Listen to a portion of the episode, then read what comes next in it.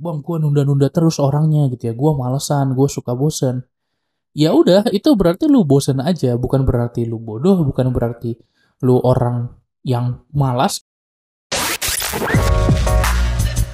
Halo, selamat datang di podcast Cerita Pembelajar. Kamu akan mendengarkan cerita mengenai pengalaman, gagasan, dan pembelajaran. Cerita Pembelajar Season 8 You ask, I answer Lo tanya, gua jawab di podcast gua.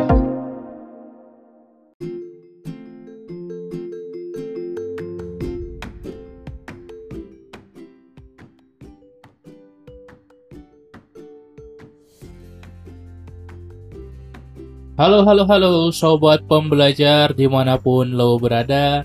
Kembali lagi di podcast Cerita Pembelajar Season 8 You Ask, I Answer. Bersama gua Umar Al Faruqi. Rekaman dari studio di sini asik kayak jadi penyiar radio ya. Ini gua lagi di Medan, cuacanya cerah, pagi-pagi gua recording. So, semoga di tempat lu juga suasananya menyenangkan dan lu juga happy terus, sehat terus dan bisa bertumbuh dari hari ke hari. Seperti biasa gue akan mencoba jawab pertanyaan dari DM Instagram gue di season 8 ini ya. Jadi kita formatnya lebih Q&A tapi dalam podcast. Itu format season 8 kita. Nah di episode ini gue pingin jawab pertanyaan dari Puput Devianti. Kenapa sih kak akhir-akhir ini sering ngerasa down? Rasa semangat makin hari makin menurun, gimana caranya biar bisa semangat lagi? Oke, mungkin lo juga pernah merasakan ini dan gua pastinya juga pernah. Semua orang pasti pernah ngerasa semangatnya lagi down, lagi moodnya rendah, akhirnya nggak bisa accomplish banyak hal. Akhirnya nggak bisa mengerjakan banyak tugas, nggak bisa belajar dengan efektif, nggak bisa bekerja dengan produktif. Terus bagaimana solusinya? Yang pertama, kita harus paham dulu kalau motivasi itu pasti naik dan turun. Nggak mungkin motivasi kita gitu ya, nggak mungkin motivasi kita itu tinggi terus. Ada yang bilang, Bang Umar gimana caranya supaya motivasi kita selalu tinggi? Jawabannya nggak ada. Ya nggak bisa. Motivasi kita pasti kadang naik, kadang turun, tergantung kondisi kita, situasi kita, kesehatan kita, kemudian lingkungan kita, orang-orang di sekitar kita, itu pasti ngaruh ke mood kita. Mau gimana pun caranya. Kecuali kalau lo robot gitu ya, kalau robot mungkin bisa diprogram motivasinya selalu tinggi gitu ya. Tapi kita manusia, makhluk sosial, yang mana pasti motivasinya itu naik dan turun.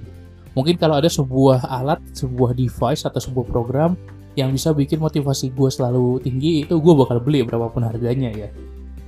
Nah, jadi kita harus bisa tahu ada peak kita, ada puncaknya ya, ada lembahnya juga gitu. Yang harus kita pikirkan bukan bagaimana cara motivasi kita terus di atas, tapi bagaimana kalau kita turunnya itu nggak turun banget.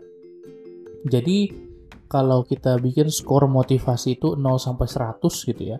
Ada orang yang tingginya itu di 40, rendahnya itu di 10 gitu. Jadi dia cenderung rendah terus motivasinya. Ya padahal naik turun, tapi naik turunnya di skala yang rendah gitu ya.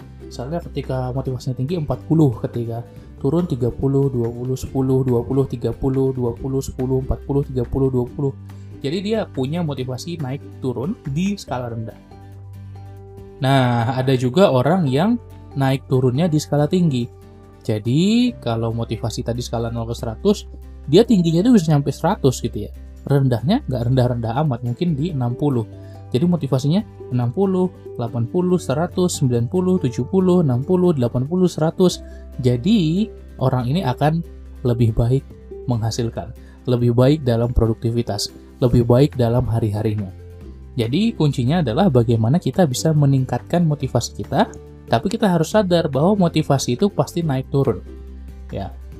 Cara untuk meningkatkan motivasi kita, kita harus melakukan hal yang kita suka. Banyak yang bilang gitu ya, bang gue nunda-nunda terus orangnya gitu ya, gue malesan, gue suka bosen. Ya udah, itu berarti lu bosen aja, bukan berarti lu bodoh, bukan berarti lu orang yang malas gitu ya. Lu cuma lagi bosen melakukan hal yang lu malas itu gitu. ya coba suatu hal yang lain gitu coba cari hal lain yang bikin lo lebih excited yang bikin lo lebih gembira di episode sebelumnya kita udah bahas tentang bedanya nikmat bahagia dan gembira lo boleh dengerin episode itu jadi kuncinya kita cari tahu yang bikin kita gembira apa yang bikin kita excited apa Bahkan kalau lo berkali-kali berkali-kali menunda-menunda, malas-malas, mungkin yang lo lakukan sekarang itu tidak merupakan passion lo. Mungkin bukan jalan lo gitu loh. Itu adalah sinyal yang baik loh. Kemalasan, penundaan itu adalah prediktor, indikator yang baik yang menunjukkan bahwasanya diri kita tidak berada pada bidang yang pas gitu loh. Kita perlu cari hal lain, cara lain, metode lain, area lain, itu bisa kita lakukan. Selain itu, kita harus punya purpose yang kuat ya. Tujuan kita apa? Kenapa kita melakukan hal yang sedang kita lakukan sekarang? Kenapa kita mengambil pilihan yang kita lakukan sekarang?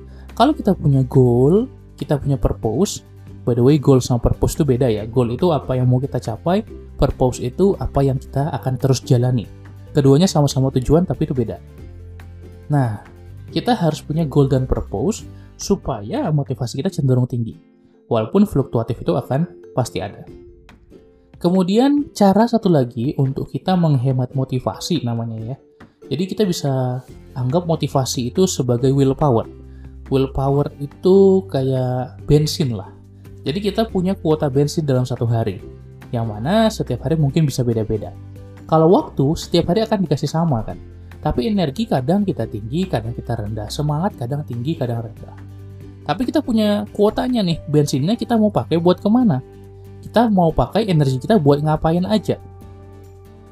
Kalau kita melakukan aktivitas-aktivitas yang ngabisin bensin cepat, akhirnya kita mudah capek, males, dan nggak produktif.